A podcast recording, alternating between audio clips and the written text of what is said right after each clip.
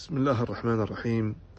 قال الله تعالى ذرية من حملنا مع نوح إنه كان عبدا شكورا. ورد في تفسير ابن جرير بسند صحيح عن سلمان الفارسي رضي الله عنه. قال كان نوح إذا لبس ثوبا أو أكل طعاما حمد الله فسمي عبدا شكورا.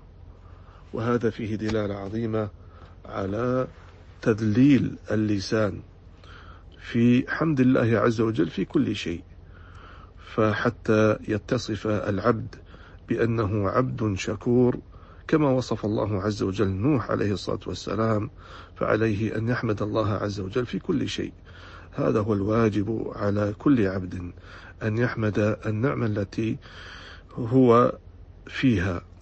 من تلك النعم أن هداه الله عز وجل للإسلام وأن هداه الله عز وجل لسنة النبي صلى الله عليه وسلم وأن هداه الله عز وجل لحب أصحاب النبي صلى الله عليه وسلم وأن هداه الله عز وجل إلى الصراط المستقيم وجنبه الأهواء والبدع والضلالات وجنبه تلك الجماعات الحركية الإسلامية.